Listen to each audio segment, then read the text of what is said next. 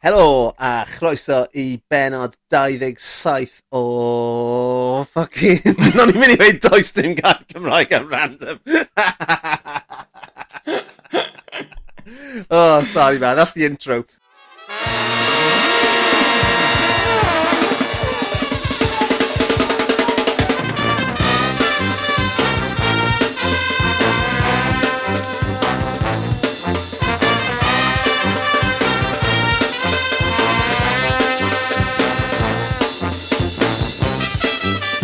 Helo, a chroeso i benod 27 o Sbeidiau Heilog gyda fi, Llywyd Owen. A fi, Lee Jones, lle byddwn ni'n rhoi sylw i'r pethau bach sy'n gwneud gwahaniaeth mawr i ni yn ystod y cyfnod hollol hogo hwn. Ie, yeah, wir. Nawr ni yn bodlediad anibynnol, so ni'n dibynnu arnoch chi ein gwrandawyr hyfryd i ledeinu'r neges a dweud wrth y byd So, os gallwch chi yn dilyn ni ar Twitter, a rhannu, a hoffi, a tan ysgrifio un podlediad, bys o'n helpu ni yn fawr iawn yn bydde fe li. Bydd, bydd siŵr. Um, yeah, dyn ni'n hollol ddibynnol arnych chi i gwneud uh, y gwaith caled dros ni. Um, oherwydd mae'ch gair chi yn golygu lot mwy pan ydych chi'n uh, argymell y podlediad yma nag uh, os, on, os, os o'n i allwyd yn gwneud felly. Well, I mean, um, ni, yn, ni yn gwneud, yn dyn ni? I mean, yeah, yeah, yeah. Honestly, yn treul yeah. arwyddo'r fucking thing. yeah, and, come on, completely shamelessly hefyd. Beth yw'r gair? Mae'r gair di mynd. Di, di, uh, di gywilydd. Di gywilydd, o oh, mae easy, ti'n gwybod hwnna, ti'n gwybod hwnna erbyn i si gyrraedd dosbarth uh, dosbarth derbyn, dwi ti? Des, yeah. Desbarth derbyn. Oh yeah, definitely, mae plant, yeah. ma plant ysg ysgolion Caerdydd yn mm, gwybod hynny. Mm, yeah, anyway. Yeah, wel, dyn ni'n di gywilydd, ond oherwydd, um, wel, oherwydd di gywilydd dra chi yn grandawyr, uh, mae gennym ni newyddion hyfryd i'w rannu Llwyd. Oh, oes, wir. I mean, gyda ni um, sioc ein bywyd ddoi o gael yn cynnwys uh, fel un o'r podlediadau hanfodol o Gymru um, uh, mewn rhestr yn y papur cenedlaethol The National. So, ie, yeah, diolch i... Fi'n meddwl taw bod yn rhyw fath o bleidlais neu bod rhywbeth fel ydi digwydd, sa'n siŵr siwt na beth, ond um, diolch i unrhyw un nath helpu ni i gyrraedd y rhestr. Mae fe'n ma fe meddwl y byd i ni, achos ni, ni yn, ti'n ni'n neud hwn just am laff, really. A, uh, ag, ag er bydd ein iechyd meddwl. yeah. a, yeah. Neu er, er, na therapy. Neu'r gwrthwyneb, sa'n siŵr. Ond, uh, ond, on, yeah, so, so, mae'n ma really yn... Mae'n ma gwneud yr, yr holl oriau yma, ni'n treulio yn newid ystafelloedd i gael wifi gwell, a tymod, mynd nôl ymlaen i, i, i roi dymu yn ceg dy fab i di, a jawlo, a regi, a pethau fel hyn. Pethau, pethau sôn grandawr ni'n gweld yn digwydd, mm. ond... Fi'n fi, fi, fi codi i adlygath mewn ag allan tua tair gwaith pob penod. Pob penod, ie, yeah, gadw fi'n hongian, ond ie, yeah, mae ma, ma fe really yn neud e'n werth chweil. A hmm. ie, mm. yeah, mae rhaid ni ddiolch i, i, i chi gyd am y gefnogaeth. A Mo, ni, ni ar restr gyda rhai big hitters, rightly? Lee? oh. Yeah. Wel, ti'n gwybod, um, y podlediad cyntaf ar ei restr nhw yw Shred, uh, sydd yn, chymod, absolute... Big time. Yeah, ffon fesur o ran beth ydych chi'n gallu cyrraedd yn gwneud podlediad yng, yng Nghymru. Yeah. Um, I, i, ac hefyd, ti'n modd, mae'r ma, ma, ma bydd yn e, yr, er hinsawdd podlediadol yn drwch o True Crime Podcasts. A fi'n meddwl bod Shreds yn, uh, ti'n meddwl, yn sefyll um, ochr yn ochr, os nad ben ag ysgwyddewch ben y rhan fwyaf ohonyn nhw. A mae'n, ti'n meddwl, mae'n wefreiddiol bod ni'n ni gallu hawlio ein lle ar, y, ar yr un rhestr y hynny ac wrth gwrs gyda um, socially distant sports hefyd sydd yn, sydd yn, ti'n mo, sydd, sydd yn, yn gallu gwneud pethau fel rhyddhau citiau pêl droid a gwerthu nhw am 40 quid ar, yeah, ar eu gwefan nhw. Wel, ti'n o, sa'n meddwl byddwn ni byth yn, yn, yn, yn, yn, yn cyrraedd yr uchel fanau yna. Lee, beth yeah. ti'n meddwl? Wel, dyn ni... Dyn ni just, oherwydd hynny, dim rhaid i ni peidio anelu at hynny. Yeah. Ond, uh, ti'n gwybod, mae'n mynd i fod yn realistig. Be bysa dream merch ti i werthu? Oh, be fes ni'n gallu cael getaway efo? Fedog? uh, tea towels. Mel, pwy di demographic ni? Be di pobl... Dyn ni angen pethau sydd yn, um, sydd yn ymarferol a oh, pethau eisiau ac yn defnyddio pob diwrnod. Be? Vape juice. Vape fys... juice y i heilog. Be fysa, be fysa fe'n blasu fel? Um, beth yw blas heilwen? Uh, falle... Dyna'n union beth yw'n gofyn. Lilt. Oh, okay. yeah. Ooh, actually, bysa lilt vape juice yn eitha neis. Neu... Mm sa'n gwybod, fath o mango and pineapple. Ie. Ie. Yeah. dwi'n dwi yfed... Ti on board! Dwi'n cael. Ie, yeah, achos. O, dwi'n meddwl os ydy ti'n... Um, achos dwi'n yfed gymaint o pethau melus a, a bwyta cymaint o, o bethau melus. Os ydy ti'n torri fy ngwythiennau, mae fel uh, syrup yn dod allan. Gallwn ni feipo uh, ti. Ie, yeah, so fi yw'r um, ffynhonell i gael y, y vape juice. Ond ie, yeah, oedd nhw arfer yn uh, Tesco's lleol i fi, oedd arfer gyda nhw ting, sydd fel, like, real lilt. Lilt di Coca-Cola Company, ond mae ting yn just yn grapefruit yn hytrach na grapefruit o pineapple. Ag, uh, Fizzy. yeah, Oh. Fizzy fel yeah. soda. Yeah. Sa'n beth i dod o draws ting. Ie, yeah, mae'n hyfryd. Ti'n just yn rhoi bach o rum ynddo fe. Neu just ar ben ei mm-hmm. hun, ti'n gwybod? Ag, well, uh, well gyda bach o rum. Ie, yeah, bant a ni. Lush. So, Lush. Yeah. So, Pwy arth ar y rest yma atgoffa fi, please? Ys gyda ti fe fyna dy flaen di? Oes, uh, yeah, so socially distant sports bar, ti'n modd, ni wedi newid ddweud hynny. Um, mae uh, hiraeth, um, ti'n modd, maen nhw'n heavy hitters o ran podlediadau gwleidyddol yn y deyrnas unedig, uh, ti'n modd, nid just yng Nghymru. Um, a, a ti'n modd, Wales cast hefyd, os ydych chi eisiau sôn am, uh, sôn am uh, podlediadau gwleidyddol. Maen nhw wedi... Maen nhw'n eitha newydd i ddweud y gwir, ond um, mae ma pob penod maen nhw wedi rhoi allan wedi... Uh, wedi benni fyny efo stori yn y newyddion oherwydd be maen nhw wedi gwneud. Really? Achos um, ydd, uh, um, thingy, chwaer Aphex Twin, um, beth di enw hi? Oh, yeah. um, Julie, Julie James. Um, Oedd, oedd, oedd na wastad kind of sybrydion am y cysylltiad hynny, ond nathon nhw gyfweld â hi ar Wales Cast, a nathon nhw cael y cadarnhad yn fanna. Hwnna oedd y ffynhonnell o'r stori hynny. A wedyn, ti'n gwybod, yr wythnos wedyn, oedd nhw wedi cyfweld â Leanne Wood a dyma hi'n dweud, dwi ddim yn ffrindiau gyda Adam Price dim bwy. A hynny oedd ffynhonnell y stori hynny. Ond ti'n gwybod, i ryw raddau, mae yn bodlediad sydd yn cael ei gynhyrchu gan y BBC a'r cyflwynwyr yw newyddiadurwyr BBC. Felly, um, mae yna rhyw, ti'n gwybod, mae yna rhywbeth yn digwydd yna lle un, maen nhw'n gwybod beth, beth sy'n gwneud stori, mm. a dau, nhw sy'n dewis beth sy'n gwneud stori hefyd. So, um, ond ie, yeah, chwarae teg, ti'n gwybod, podlediad gret. Um, yeah. Shout out. um, a cwbl o roi Bill Droid wedyn, mae podcast Bill Droid, mae yna bach o rugby, attacking scrum. Ti beth yn mynd i wrando ar hwnna? Uh, wel, ti'n gwybod be? Pan mae'n dod at rygbi, dwi'n kind of...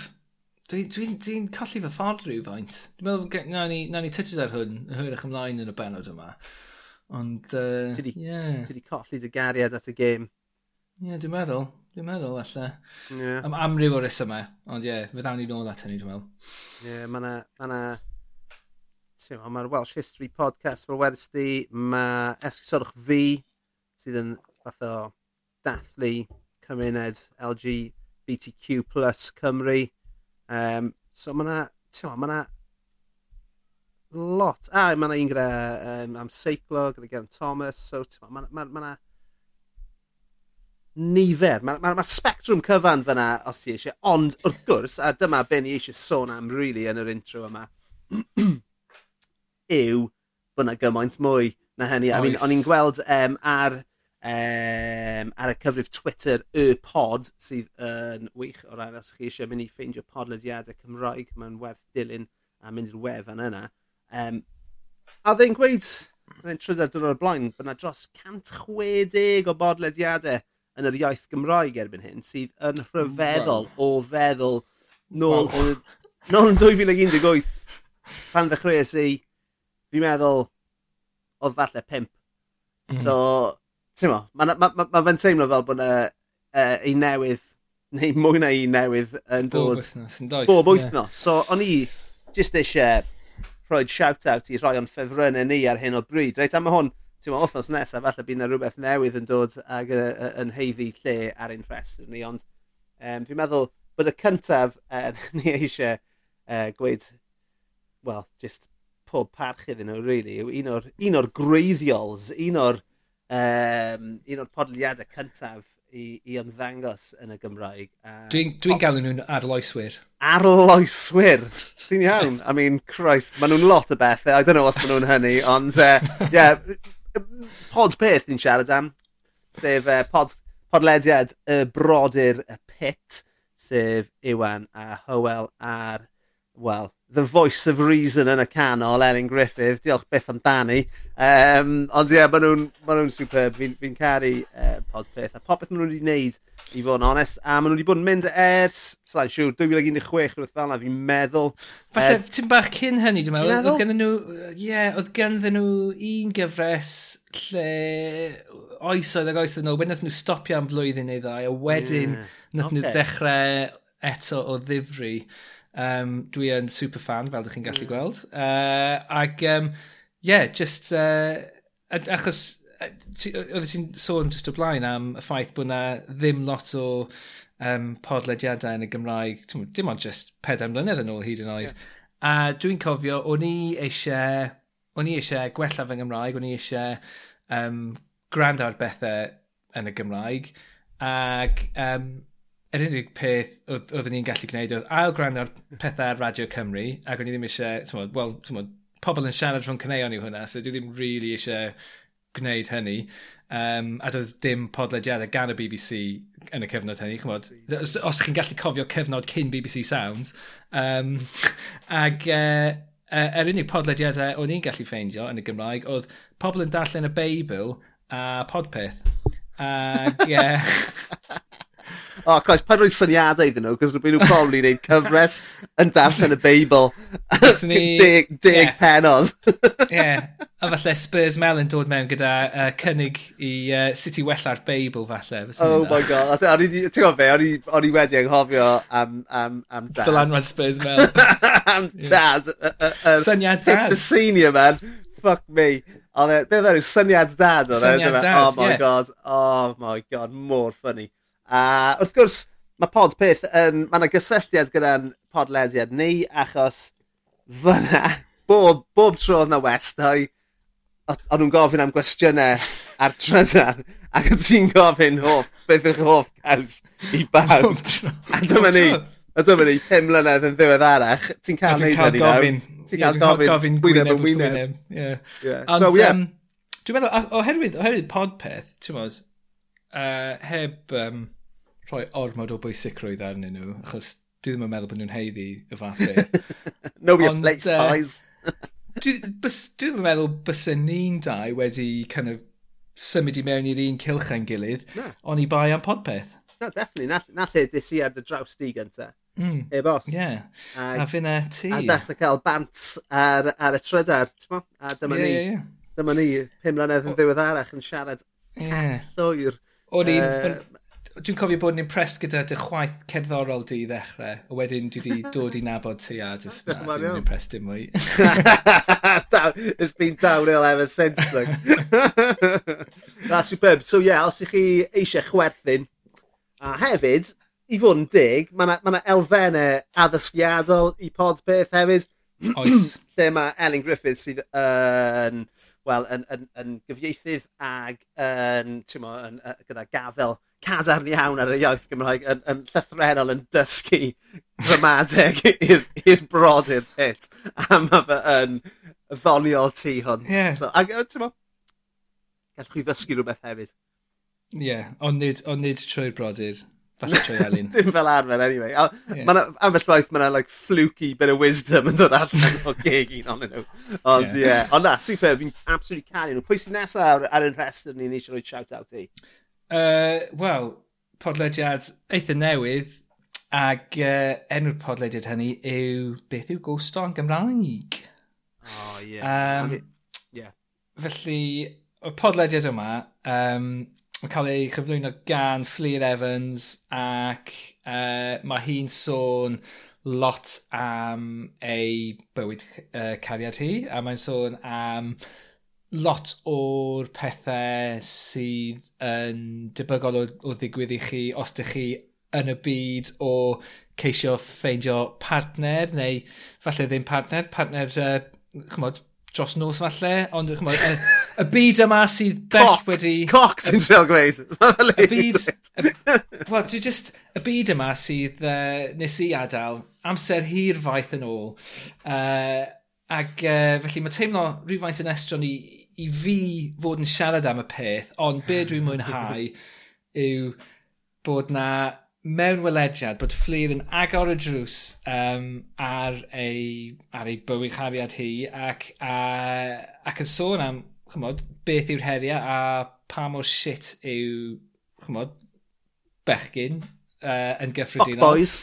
Ie, yeah, ac um, achos o'n i gwrando arno fe, ac o'n i, ie, uh, yeah, a just, chymod, mae'n sy'n ddifur, mae'n ddoniol, um, a mae'n, chymod, gweld tu ôl i'r llenni a rhywbeth dwi yn falch mod i ddim yn gorfod wneud dim mwy um, i fod yn hollol onest. Ac o'n i'n gwybod pan nes i argymell hwn i ti, o'n i'n gwybod yr her fwyaf oedd i trio confincio ti bod ti'n mynd i wynhau gwrando ar uh, menwod yn ei geiniau yn siarad am sex. Um, achos oedd y ti'n te, oedd y ti, ti'n modd, um, er, er gweithio'r ffaith bod gen ti ddim siom o gwbl yn dy hun a byth yn embarrassed, oedd y ti, oedd y ti'n teimlo fel, o, oh, na, dwi'n meddwl bod hynny fi. Ac, um, a ie. Yeah, Dwi'n e dwi definitely ddim i fi, ond nes i really mwynhau e anyway.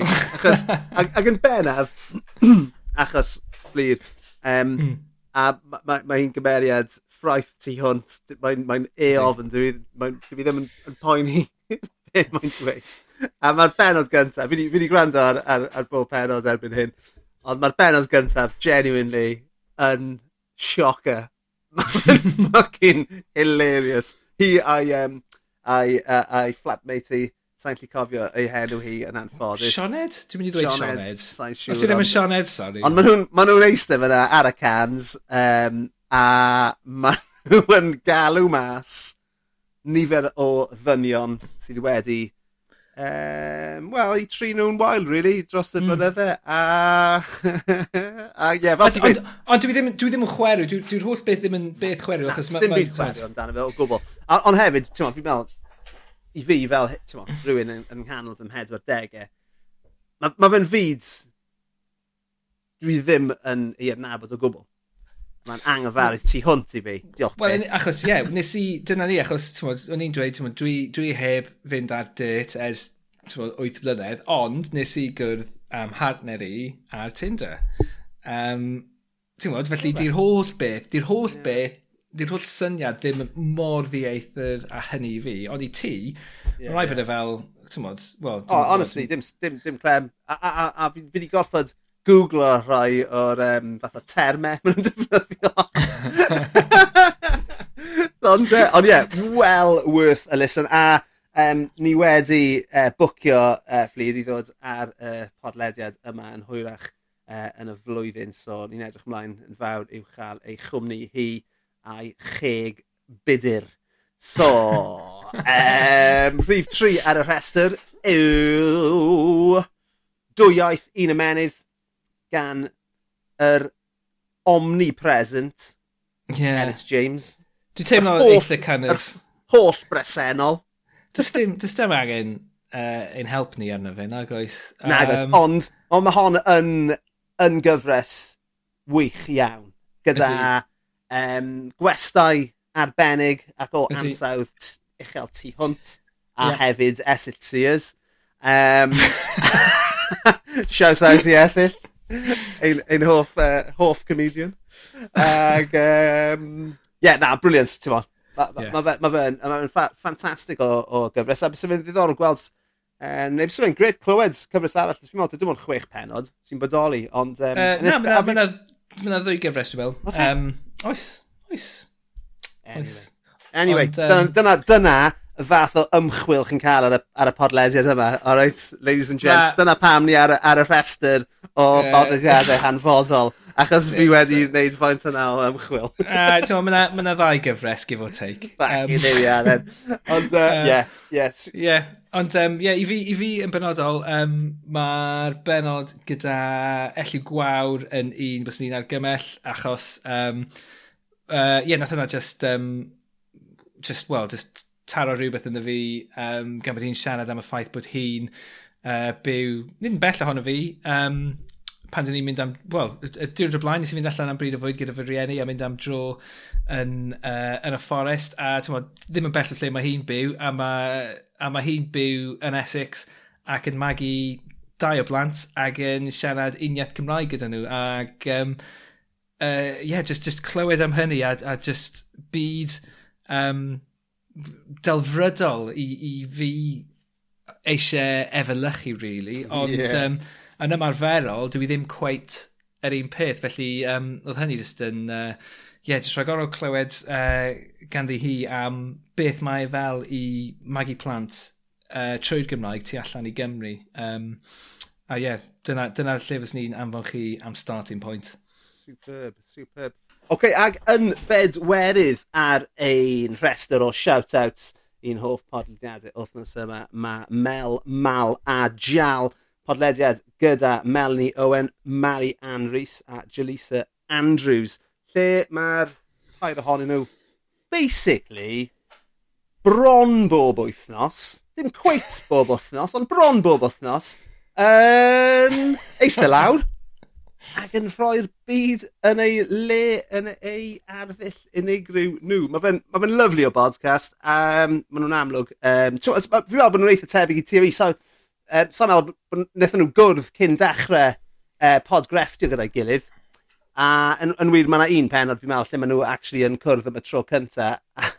mae fe'n... Mae jyst yn hyfryd, mae fe fel, ti'n meddwl, mae fe, ma fe tri, fel tri, fel gwrando o'r tri hen ffrind yn sgwrsio ag yn rhoi'r byd yn ei le. So ie, yeah, mae'r ma, ma, ma, ma fatha premis yn, yn, yn digon syml, really. Mae'n ma tair merch uh, yn ei geiniau yn eistedd lawr bob wythnos, wel, bron bob wythnos, i, uh, i roi'r byd yn ei le a i drafod unrhyw beth sydd wedi dal eu sylw nhw yr wythnos hon. Um, ond beth sy'n wahanol amdano am, am y podlediad yma yw, yw bod y dair yn ferched di ac felly maen nhw'n dod a um, persbectif gwahanol i'r sgwrs a mae'r persbectif yna fi'n meddwl, fel ni'n sôn wrth wrthnos am amser ni'n sôn am Punkistani ar Twitter, be mae hi'n dod i'r fath o disgwrs eh, Cymreig. Mae'r ma, ma, ma, ma safbwynt uh, yma yn hollol hanfodol ac yn holl bwysig i'r unrhyw fath o sgwrs am y Gymru gyfoes, sydd yn rili really ddiddorol i hen, hen ddyn gwyn fel fi, ti'n modd? Um, so ie, yeah, shout out iddyn nhw hefyd. A Ie, yeah, ti, eisiau sôn am, am bach o beef? Ar, ar online beef heddiw? Hmm. Gyda, gyda'r tair ohonyn nhw li? Beth oedd yn mynd mlaen fyna, man? Wel, yn i trio, trio dechrau shit, yn dyn nhw. Um... nhw'n treial dechrau shit gyda ni, man. It's the, it's the podcrafting wars, man. Ti'n gwybod beth? dwi'n meddwl, mae hynny, ma hynny yn arwydd o, o hmm. lwyddiant. Pan mae pobl yn dechrau cymryd shots uh, atoch chi yn gyhoeddus, yn hytrach na tu ôl i'ch cefn chi, dwi'n meddwl, dyna, dyna pryd ych chi'n gwybod ych chi yn hedfan. Um, felly, ie, yeah, um, maen nhw wedi... Uh, Beth i gadw chwilio amdani, maen nhw wedi... Uh, Shots fired yw beth well, ti'n yeah. edrych am. maen nhw bach yn upset gan bod ni'n honni bod ni yw'r unig bodlediad wythnosol annibynnol yn yr iaith Gymraeg. Uh, dyn ni wedi rhyddhau penod bob wythnos ers uh, mis ebryll. Uh, felly, ebryll. Ie, yeah, so dyn ni'n sôn uh, dech, dechrau mis ebryll uh, nathon ni fynd yn wythnosol. So ti'n gwybod, ni'n sôn am dros 5, 5 mis o um, siarad shit uh, yn, yn, uh, well, yn wythnosol. Um, Ond dyma nhw'n dweud bod nhw'n rhyddhau podlediad bob wythnos. Um, ond ti di, ti di gwneud yr ymchwil ar hwn yn dod. Dyma'r unig beth... Dyma pa mor brysur o'n i eh, eddim. ti ddim, ti'n di gwneud ymchwil ar dim byd heblaw am roi tair fenyw yn ei lle. Ie, yeah, pawb yn gweld, pawb yn gwybod pwy wyt ti llwyd a beth sy'n bwysig i ti. Uh, mae fe mor so, petty. mae mor petty, man. Ond fuck it. Na, fi ddim yn mynd i fynd mor peti hynny. Fi jyst eisiau rhoi shout-out iddyn nhw. Um, a gweud jyst i cadw, cadw wneud beth chi'n neud, cos mae fe'n ffucking superb. Mae fe'n ma fe, ma fe hanfodol ac yn holl bwysig o fewn, ti'n modd, y, y tirlun pod grefftio yma yn y Gymraeg. Um, a fel yn digwydd, mae Melanie Owen yn mynd i fod yn westau ar y sbeidiau heilog um, mewn cwpl o thnosau. So, ie, yeah, falle, fi'n meddwl, falle bydd rhaid ni ddyn sbonio i fi beth mae wythnosol actually meddwl.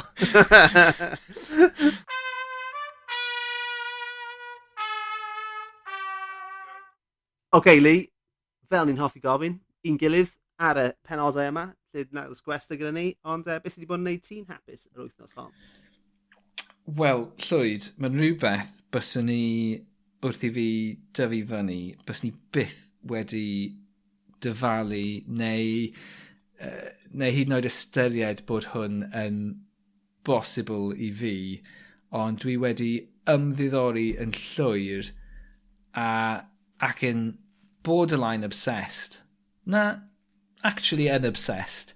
Um, dwi wedi penderfynu, right, dwi'n mynd all in eleni, i, uh, i ddilyn pêl droed ac yn benodol dwi yn hollol obsessed ac yn dwy'n llwyth o bleser gan Clwb Pêl Droed Wrexham.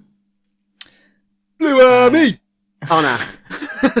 so crew, so crew. Um, ond, ie, yeah, uh, achos, ti'n modd, i tyfu fyny yn agos i Wrexham, dwi wedi bod i'r Cai Ras uh, cwpl o weithiau, um, ond dim ond i weld rygbi. Um, achos nes i dyfu fyny yn chwarae rygbi. Yn chwarae rygbi yn, yn Cairas? Wel ie, yeah, dyma ni. Nath, nath Cymru chwarae Romania yna oh, yn tua 1997 a nath, uh, nath B Team Cymru yn, chymod, nhw'n cael chwe glad B Teams. Basically, mae'r gogs yn cael y dregs. Ie, yeah, yn union, yn union. um, So, uh, so yeah, so o'n i, o'n i tyfu fyny chwarae rygbi, o'n i'n gapten ar yn hi mi. Um, o'n i'n o'n i'n chwarae dros Gogledd Cymru, ond oedd, uh, oedd mab yr er hyfforddwr yn chwarae'r un safle a fi, so o'n i ddim really oh. Ah. cael gêm. Nepotistiaeth. Uh, wanker, ie, yeah, ie. Yeah. Ifan o Nant Conwy, os ti'n gwrando, Ceri fucking grafi. Be ti'n gwneud nawr? Gweithio ar fferm? Yeah, well, dwi'n fucking cyfryngu, so yeah, how about that? Ond dwi wedi madd iddo fe. Um... Ie, ti definitely dros hwnna yn amlwg. Dwi'n gwybod o le nath ni ddod. Dwi'n dwi meddwl am, am Ifan ers, uh, well, le 15 mynedd. Anyway. 15 um... eiliad. Ond, uh, yeah, so, um, so o'n i byth really yn hoffi pildroed. O'n i'n anti-pildroed, ti'n gwybod. Achos, chymod, o'n i'n rygybygau ac oedd e, uh, chwaraewyr peldroed yn soft a ti'n modd. So there's ddim, ddim really yn... Ie, yeah, dy ddim, dy ddim mor sexy a chymod, drach bawd fyny ti yn eich ffrind chi yn y clwb rygbi ar ôl gêm. Um, Drop o'ch cloch ben yn y peint. Dyna enw dy fel nesaf di, uh, cloch ben yn y peint. enw um, mentyn nesaf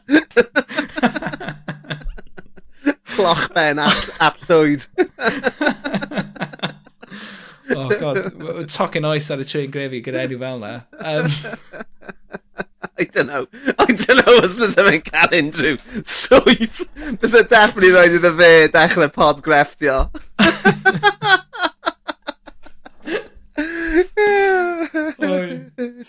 so, so dechrau, dechrau, achos ti'n gwybod, ti'n i bryn ar amser, ti'n i malu, malu gymaint o awen heno llwyd, mae'n ni just...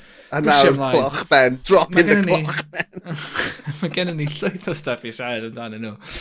Does neb yn gwybod be, be di'r peth sy'n cael ei ti'n hapus, a mae'r ddau ohonyn ni wedi ymchwilio i hynny wrthnos yma. Anyway. Dwi'n ffeindio rhywbeth newydd sy'n ei fi hapus.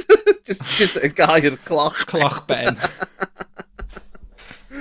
Oh, fuck me. Sorry, man. Sorry. Oh, right. oh. Okay. Ti okay. di gorffen sidetrack i fi? Right nawr, fi'n okay. diolch. Okay. so... Proffesiynol, Deb. uh, Mae'r BBC yn galw. Um, na, dyn nhw beth yn mynd i alw. Dim nawr. na. Uh, dyn ni cael dweud clochben ar yr awyr. Um, Dim cyn hanner di nawr bore. Ie. Yeah. Uh, dim ond ar Radio Cymru 2. OK, fine. Um, Sneb yn gwrando arno fe. Um, so, nath, nath yn haith i gyda Pêl Droid ddechrau o ddifri tua 2015. So, o'n i'n byw Ooh. yn Leighton.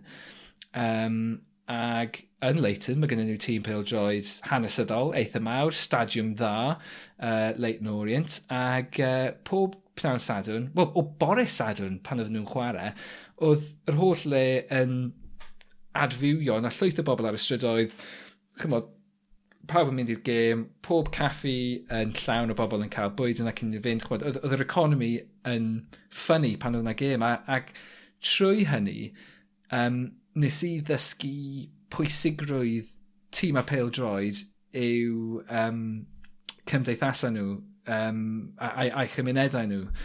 Ac um, felly oedd gen i soft spot mawr am Leighton Orient. A ti'n bod, o'n i yn yr ardd yn chwma, potio yn y gwmpas ac yn gallu clywed nhw'n sgorio gols neu beth bynnag. Oedd e just really um, rhyw rhamant dros y peth ac yn gwybod uh, y fath um, o uh, kind of fewn bod fewnbwynod ganddyn nhw i'r economi lleol hefyd, oedd hynny'n beth da. O'n i'n, ymfalchio o byw yn y lle yma, lle oedd y tîm pildroed hanesyddol yma, oedd yn gwneud y gwaith da yma.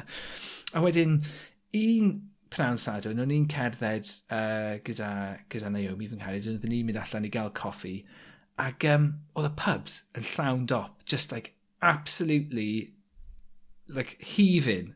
Pawb allan ar y strydoedd tu allan i'r pubs.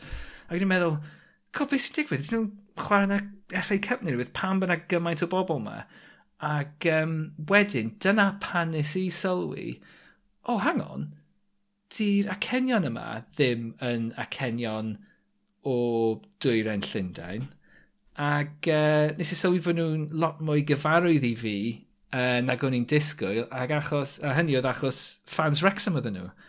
Felly, oedd fans Wrexham yma di dod lawr chmod, yn ei canoedd i Leighton i wylio'r gêm yma ac chmod, mynd ar y sesh.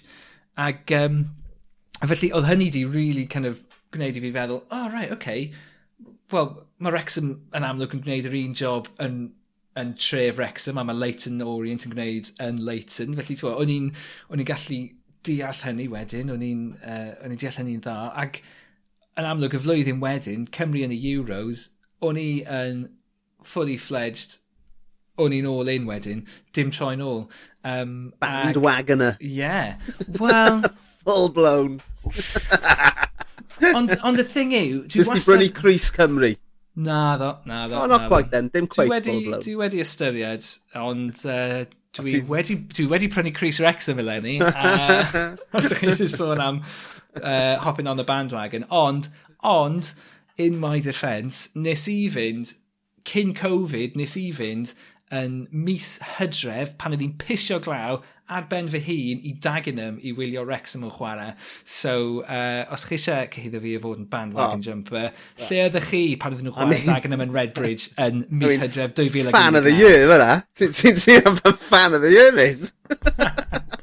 Dagenham away.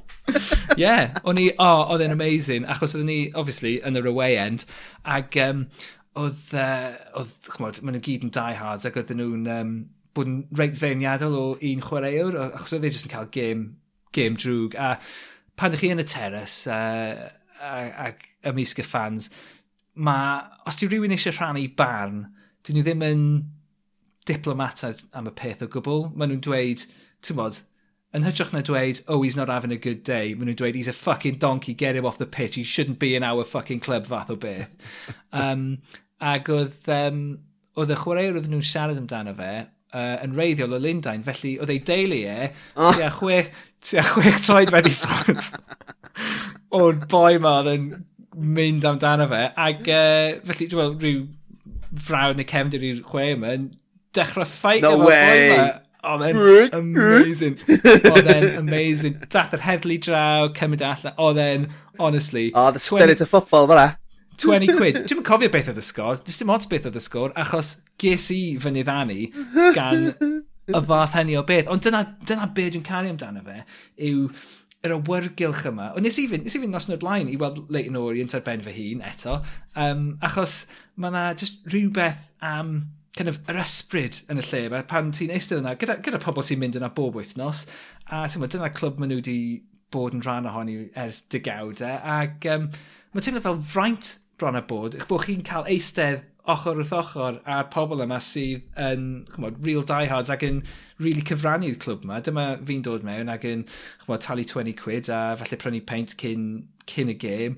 Dyna fy nghyfraniad i. Dim byd yn debyg i, i be mae pawb arall sydd yna yn gwneud. Felly mae'n fraint i cael fod ochr wrth ochr y bobl yma ac, ac yn gallu rhannu ar, ar peth yma sydd, sydd mor bwysig iddyn nhw.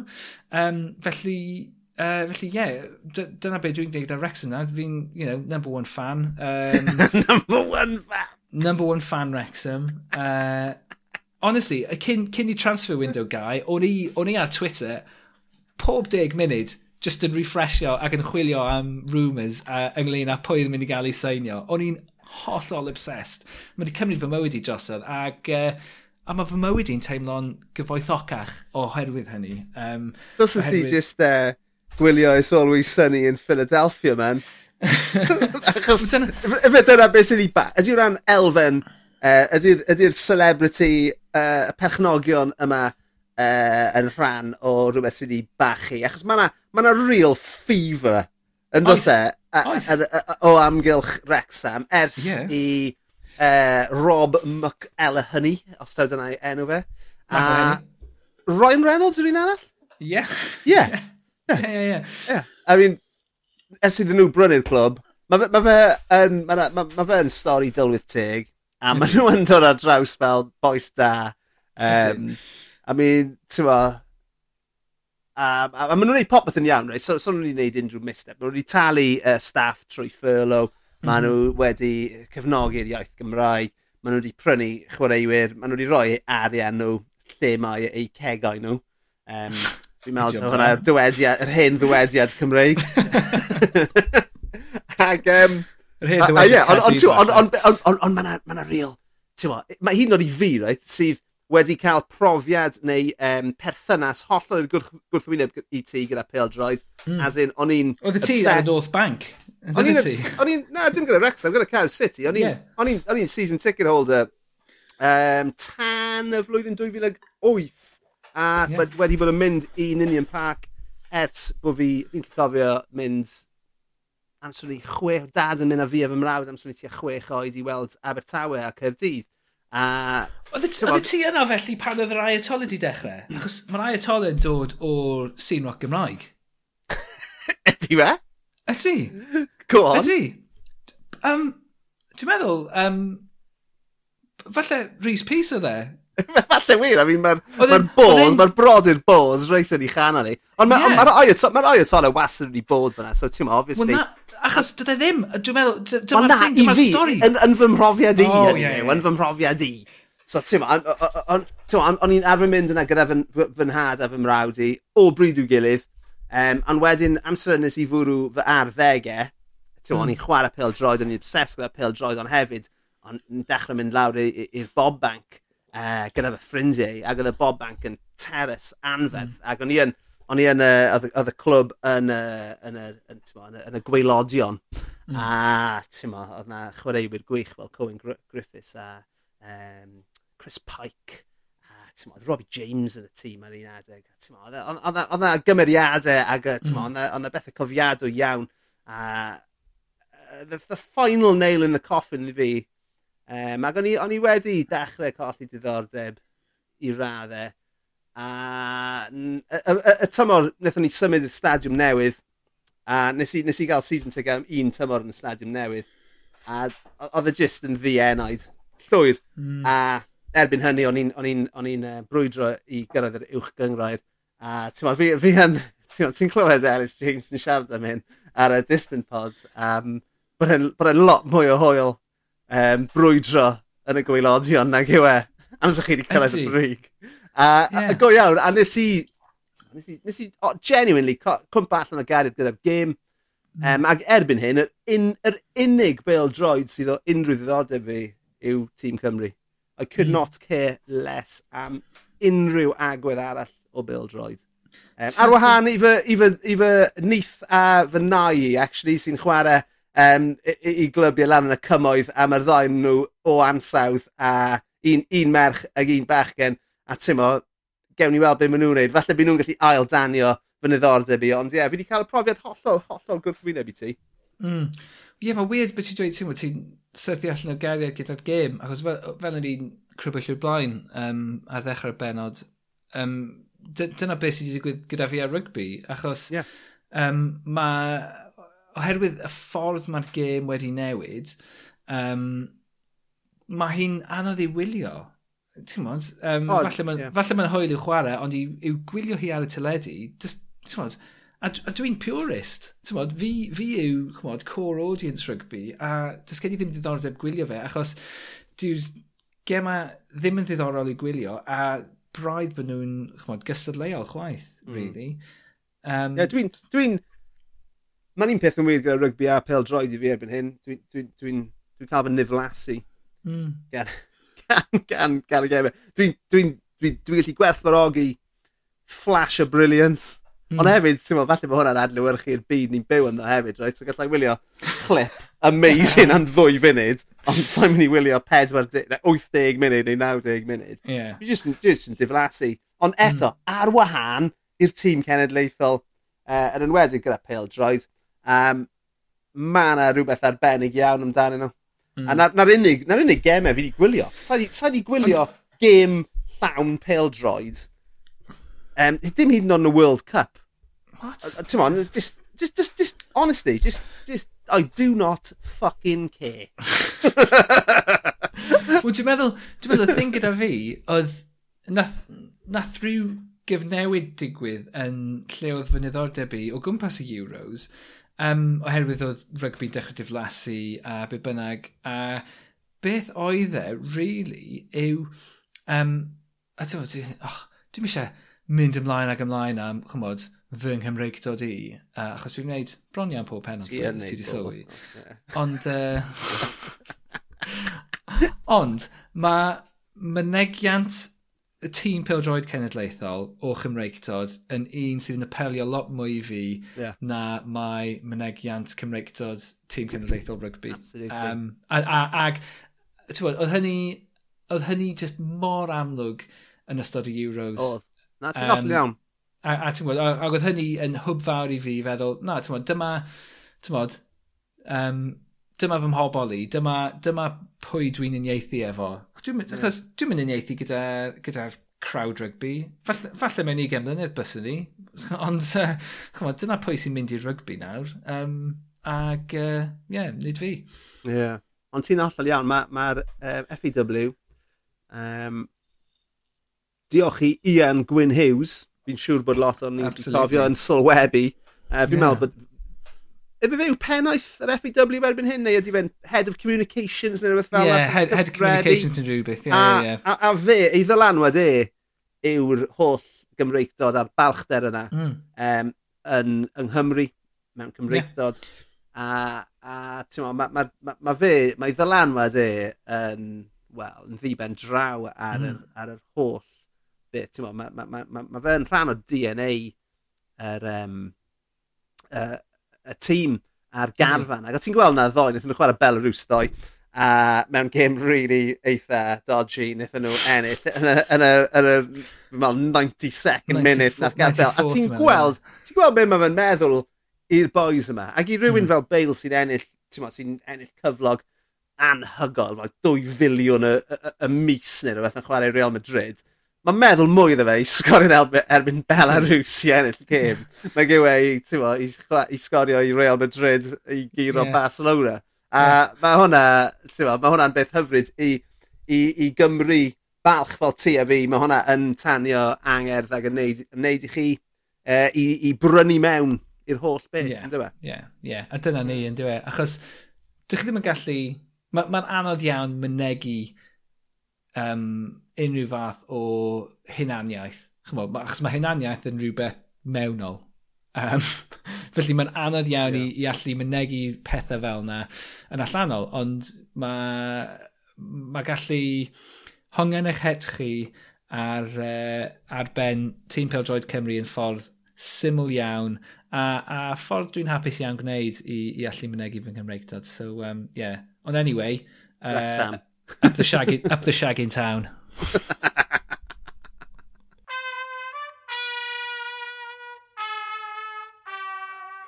so, up the shag in town. Beth amdano ti, Llwyd Owen? Uh, speaking of shaggers. Um, uh, beth be sy'n gwneud ti'n hapus yr wythnos yma? Uh, Wel, mae'n fus medu, Lee, sydd yn golygu un peth i rhywun rhyfedd fel fi. A be mae hwnna'n golygu yw ffwng oh, yeah. Bwng, sy'n air gwych jyst i ddweud i'r e, uh, unrhyw un sy'n joio'r ASMR yma. Thwng. Thwng.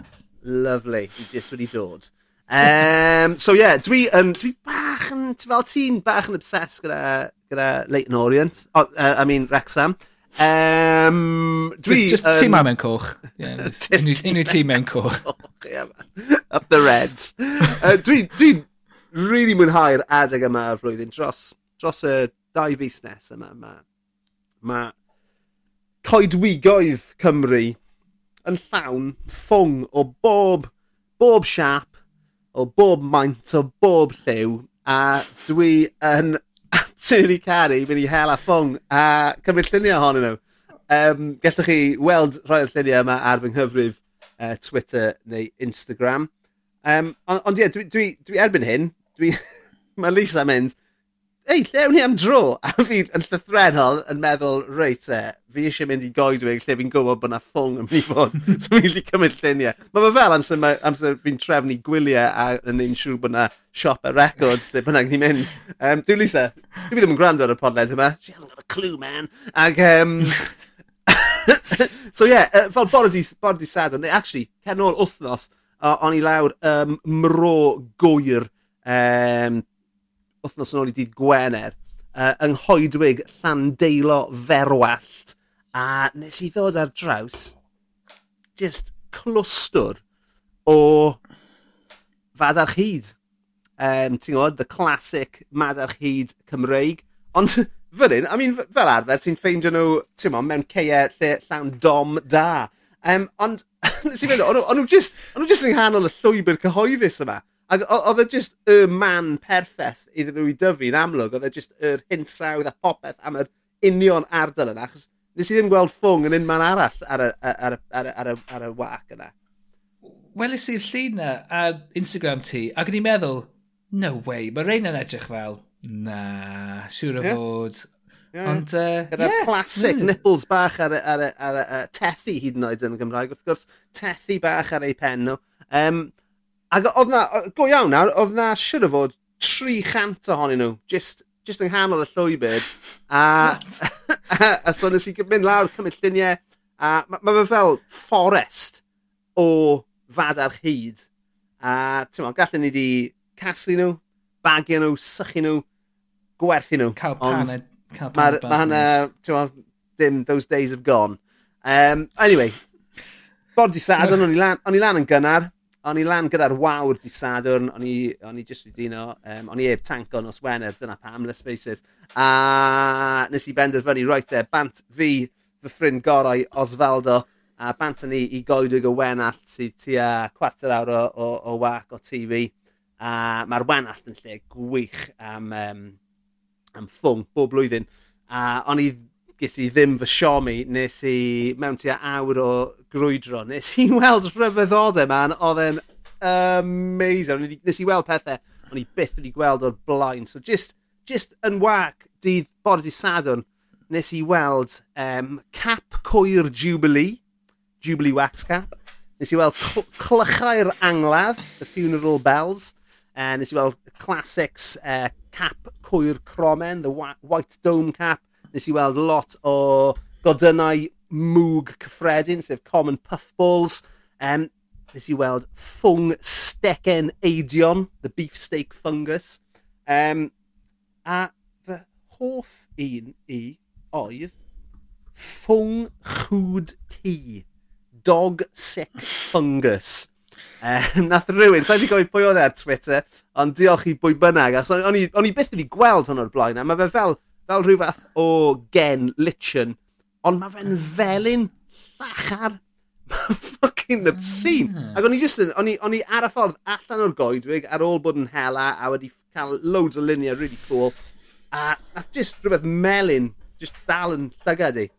A mynd i edrych yn agosach. Oedd y e, e, e melyn llachar. Ti'n gofio fel sanau oeddech chi'n arfer gwisgo sane fatha luminous yellow yna oedd pobl yn arfer gwisgo neu falle oedd cyn amser di. Ie, ti'n edrych yn o fi nawr? Bach cyn amser. Ie, bach cyn amser di.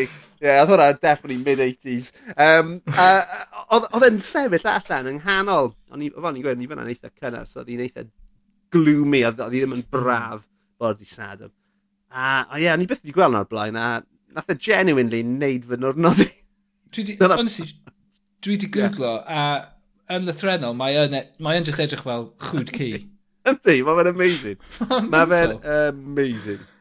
Um, um, so ie, yeah, dyna, dyna beth sy'n neud fi'n hapus yr wythnos yma, a dwi'n dwi edrych mlaen i fynd eto ar y penwthnos i, uh, i hela ffwng. Um, so, ti'n ti trio kind of gofyn am anrheg nadolig lle mae rhywun yn cael foraging experience i ti? Wel, I mean... Achos ti, ti di fath o berson. Ti'n oedran cywir.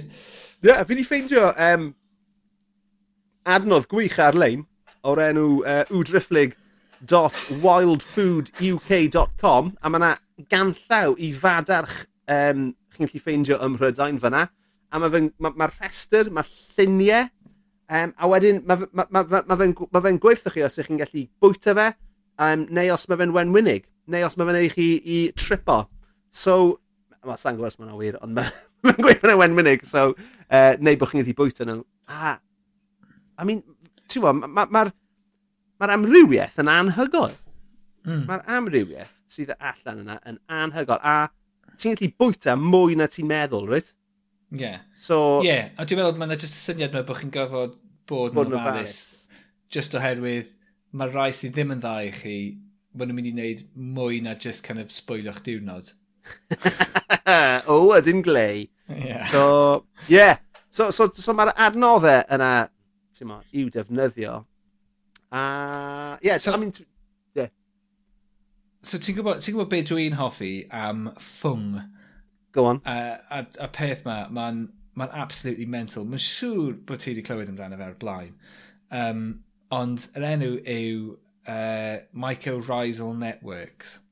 Um, Go on. O, oh, fi'n gwybod iawn beth ti'n siarad am, yndw. Neu, fel uh, y llys enw, sef The Wood Wide Web. Yeah. Um, so, y, y rhwydwaith tan ddearol yma o ffwng, yeah. lle, uh, chymod, yn, yn hanesyddol, oedden nhw'n deall, oce, okay, o dan y ddeiad, mae yna ffwng yn uh, kind of, cysylltu gyda greiddiau planhigion a mae'r ddau ohonyn nhw yn cyfnewid uh, mwythau? Moethau. Ie. Yeah. Uh, nid mwythau. Maeth. maeth. Uh, dyna ni. A maen nhw'n cyfnewid maeth rhwng ei gilydd a mae yna just perthynas fel yna uniongyrchol rhwng ddyn nhw. Ond, y mwy ddiweddar, dros y kind of degawd neu tym bach mwy diwethaf, be maen nhw wedi dechrau deall yw bod planhigion uwch ben y ddeiar yn defnyddio'r cysylltiad yma rhwng y uh, ffungus yma sy'n tan ddeiarol i allu cyfnewid gwybodaeth a maeth gyda planhigion eraill. Felly yeah. mae... Os, os oes na planhigion mewn un man yn gallu cael rhyw maeth, gallu cael rhyw elfen sydd ddim ar gael mewn man arall, ond mae'r planhigion eraill angen hynny, mae'n gallu cael ei anfon o fanna trwy fel, rhwydwaith tan ddeiarol yma dros filltiroedd. Literally, it's Amazon delivery. oh, llwyd. Oh, God. Ond... Dyna pam sy'n neb yn noddi ni. Ond mae'n ma mental bod y kind of, a thing bod... Chwan, nid just... Chwan, sydd byn bod na perthynas rhwng fungus a... Um, yeah. a planhigion, byth bynnag, a bod nhw'n gallu cyfnewid pethau. Mae hynny'n mental yn y ffaith yeah. bod... So, mae nhw'n ma nhw defnyddio, um, chymod, uh, um, fel yr... Er, uh, y metafor fel bod hi fel rhwydwaith um, a maen nhw'n disgrifio y fungus fel bod fel chymod, fibre optic cables a dyna yeah. Symod, y, y peth sy'n cludo um, pob dim tan ddearol. Mae hynna mental. Ond ar y llaw arall, um, o'n i'n tyfu tomatoes eleni ac uh, nath nhw cael blight sydd yn, uh, wel, mae wedi cael ei difetha'n llwyr gan fungus. Ond mae blight yn, mae'r fungus spores blight yn gallu teithio trwy'r awyr dros 30 milltir. So, os wyt ti'n tyfu tomatoes ti allan, ti'n basically fucked. Be bynnag ti'n gwneud, ti'n meddwl, ti'n byd ti'n gallu gwneud nhw ti allan. Ond, ie, uh, yeah, oedden nhw'n tyfu'n tyfu nôl ew, ond, ie, uh, yeah, yeah, nhw'n blighted. Mae'n ma, ma, beth rhyfeddol ti hwnt, ac wrth gwrs, uh, mae pawb yn meddwl tawr, uh, the largest living thing on earth yw... Um, beth yw e? Y morfil glas. Yeah. Dwi'n ddim yn wir ddo. Achos mae yna ffwng o'r enw'r arm, armilaria ostai e. Um, Mae nhw wedi ffeindio un sydd wedi tyfu i dros 8.5 km sgwar o faint. Fuck off. Ie, yeah? a mae fe, ma fe dros 2,000 o, um, o flynyddoedd oed. I mean, obviously, mae ma lot o'n fe o dan y ddeiar eto, fel, fel ti jyst wedi sôn, mae'n rhywbeth tebyg yn ni. Ond mae fe'n ma fe absolutely anferth. Um, Gael i fi roed bach mwy. So ie, yeah, mae fe'n Oregon, um, yn uh, Malheur National Forest. A uh, ie, yeah, hwn yw'r the, the largest living organism on earth. So, gwybod... so ffwng, ie. Yeah.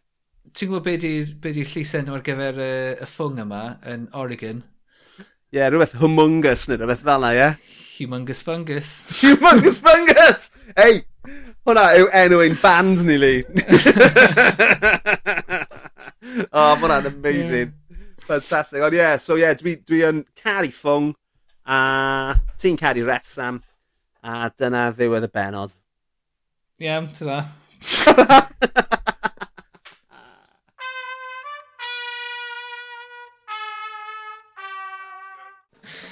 Uh, diolch i chi am rando. Um, diolch eto am efelygu rhannu'r gair da. Um, Rydyn ni yn hynod o ddiolchgar uh, bod ni'n gallu gwneud gwahaniaeth bach, really. Dyna'r pwynt.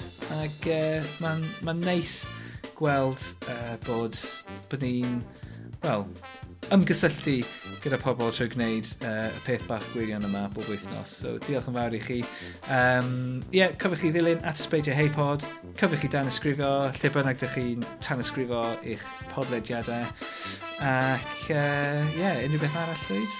Ie, yeah, byddwn ni'n ôl uh, wythnos nesaf gyda gwestau arbennig arall, ond tan hynny, tati bawr. Hwyl fawr pawb. Lovely stuff. Not my words, the words of Shaking Stevens. Ti'n gwybod be, bob tro fi'n clywed e, neu'n gweud e, fi'n meddwl yr un peth.